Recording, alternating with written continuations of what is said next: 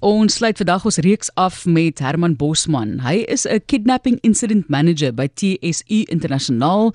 Ons het nou gekyk na of 'n vuurwapen 'n goeie idee is vir selfverdediging. Vandag kyk ons na daardie opleiding wat jy moet kry om seker te maak jy weet hoe om te reageer. En gister het ons gekyk na die wetlike aspekte en Herman Bosman gaan ook die vraag beantwoord in terme van eiendom teenoor liggaam. Iemand het gesê die gas het pertinent gesê jy mag jou vuurwapen gebruik met noodweer as regsverdedigingsgronde om jou lewe en eiendom te beskerm. Hy sê of die epos het gesê dis verkeerd. Noodweer sluit beskerming van slegs eiendom uitdruklik uit. Goed, help my reg as ek verkeerd is. My opleidingshandboek is beskikbaar vir my stelling sê die epos. Hy sal dit in hierdie gesprek ook beantwoord, maar welkom weer eens Herman. Wat is die minimum vereiste om 'n vuurwapen te besit wat opleiding betref? Goeiedag Matlies en ook luisteraars. Ja, soos nou net gou gaan kyk na die ehm um, vereistes vir 'n vuurwapen. En ek gaan nou nie spesifiek melding maak van al die agtergrond uh, toetse en ook om te, om te gaan kyk of jy besit is van 'n geskikte vuurwapenkluis ensovoorts nie. Maar net in beginsel is dit baie belangrik dat jy teoretiese kennis het, so daar word van jou vereis om 'n eksamentjie af te lê om te studeer en dan ook 'n prakties te doen. Ehm um, en dan met suksesvolle voltooiing van beide mag jy in besit wees van 'n vuurwapen vir onder meer dan selfverdediging. Dis ook 'n aspek wat gereeld uitgedaag word of of vuurwapens aangeskaf moet word en vir uitsluitlike selfverdediging, maar ehm um, 'n uh, gesprek vir 'n ander dag. Ehm um, dit is maar ook soos om 'n motorlisensie te kry waar jy eers 'n eksamen skryf en dan jy die uitpassering. Dan is jy alles behalwe nou gereed en vernuftig om dan op die snelweg te gaan en te gaan bestuur net nadat ek dink ons almal weet hoe lyk ons snel weer ook nou. So jy sal baie moet oefen en selfvertroue kry in die hantering van jou vuurwapen. So maak dan ook seker dat jou diensverskaffers geakkrediteer is en daar's verskeie instansies, ek wil nou nie spesifieke instansies uitlig nie, maar wat behoorlik geakkrediteer is om dan hierdie tipe opleiding te kan bied. Net om seker te maak so die teorie en praktiese opleiding is nie genoeg om met kundigheid en vaardigheid jouself en geliefdes te beskerm nie. Nee, vir verseker nie. Ek meen as ons nou net so daarna kyk, ehm um, nou dis my ervaring dat baie vuurwapen eienaars oor baie min regskennis beskik. Die die eksamen wat afgelê word in die, die handboekie is maar dun en dit is dis baie uh, simplisties gestel en dan beskik die persoon nie oor voldoende kennis en ook vertroue en ervaring ook in die veld van om in 'n noodsituasie dan nou wanneer daar bedreiging vir jou lewe is dan nou te kan dink en vinnig op te tree en al die oorwegings daar te stel nie.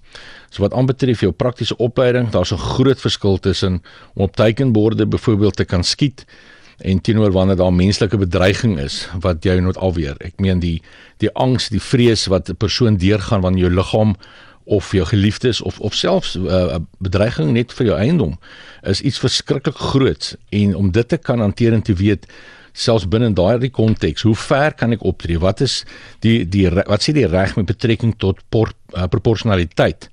Jy weet, ons is ook kyk byvoorbeeld om selfverdediging handboek um, vir jou aan te skaf en jy leer nou die boek uit en jy slaan nou die poppe bietjie of jou die sak wat jy nou in jou motorhuis ophang, stel jou glad nie effektief genoeg in staat om te jou suksesvol te kan afweer en verdedig nie. So verder opleiding en oriëntering is van kardinale belang om jou psigologiese ingesteldheid teenoor die bedreiging dan weet van deursiggewende belang sal wees dat jy voldoende opgelei is binne in daardie konteks wanneer jou liggaam bedreig sal word. En om dan ook miskien net hier te vermeld, ehm um, die vraagstuk oor die hantering en die gebruik van 'n vuurwapen vir die beskerming van eiendom. Ehm um, dit dit is 'n tamaletjie in die reg as ons histories gaan kyk na na uitsprake, ou sake Moglewani en ander sake waar persone hulle eiendom agterna wat gesgeroof was, agterna gesit het, die persoon wat geroof het en dan eh, dit deur 'n bekleierery weer besit geneem het daarvan en selfs daardie persoon gedood het om die eiendom te kon neem uh, want dit is al wat die persoon besit het en dit was gelyk gegee in daardie tyd in die in die in die um, howe teenoor waar ons vandag ook staan met die handves van menseregte en die grondwet waar lewe en ook dan nou 'n persoon se ehm um, dignitas jou jy weet jou waardigheid ver bo eiendom gestel word. Maar die die noodweer as 'n regverdigingsgrond stel nie spesifieke wapens of vuurwapens buite gebruik of in gebruik nie. Dit dek wel die proporsionele aanwending daarvan binne in daardie konteks. So as ek dit nou kom ons maak dit baie prakties. Jy is nou vanaand by jou by jou huis en jy sien 4, 5 persone klim oor ehm um, jou muur en ehm um, jy het nou jou alarmstelsel aangesit en jou jou veiligheidsstelsels, jou hekke en jy moet nou nog uitkom en jy sien o genade, hulle is nou besig om ehm um, 'n vuur te stig of hulle is besig om um, die die hek te verwyder en jou motor uit te stoot. En nou skree jy op hulle maar hulle gaan voort. In so 'n geval as jy jou wapen sou uittrek en sê ek het 'n vuurwapen en ek gaan hom gebruik, moenie my voertuig steel nie en jy sou 'n waarskuwingsskoot in die sand afvuur dit per se mag binne proporsionaliteit val. Ek gee absoluut gelyk dat wanneer 'n persoon gedood sou word in die in die in die ehm um, proses wanneer net eiendom betrokke is, daar 'n baie groot probleem gaan wees en jy uh, verseker aangekla sal word dan vermoord. Ehm um, maar die die vraagstuk gaan nie oor die gebruik nie van die van die vuurwapen as 'n as 'n middel nie. Dit kan nie sowel ehm, 'n um, byl wees.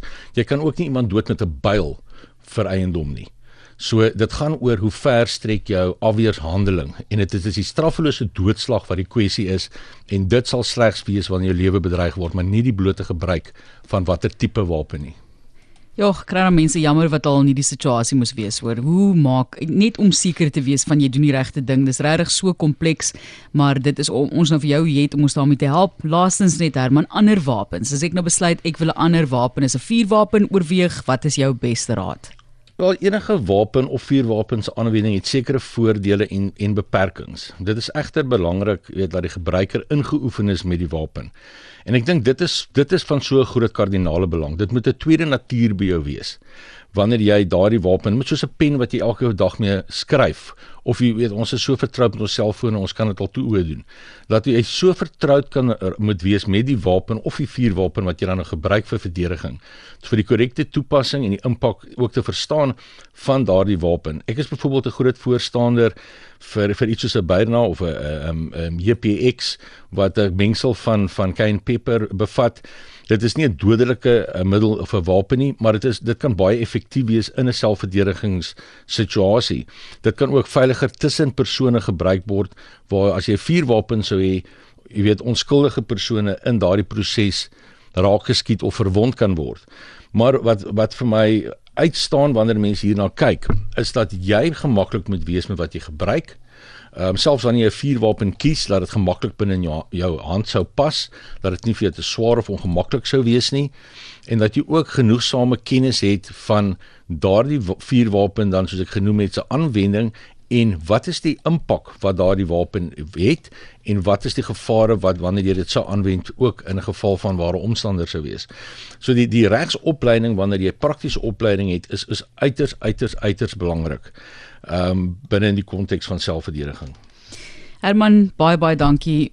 Soveel waarde in jou ervaring en die inligting wat jy vir ons deurgegee het. Ons gaan hom weer nader roep in terme van hierdie onderwerp. Herman Bosman is 'n kidnapping incident manager by TSU Internasionaal.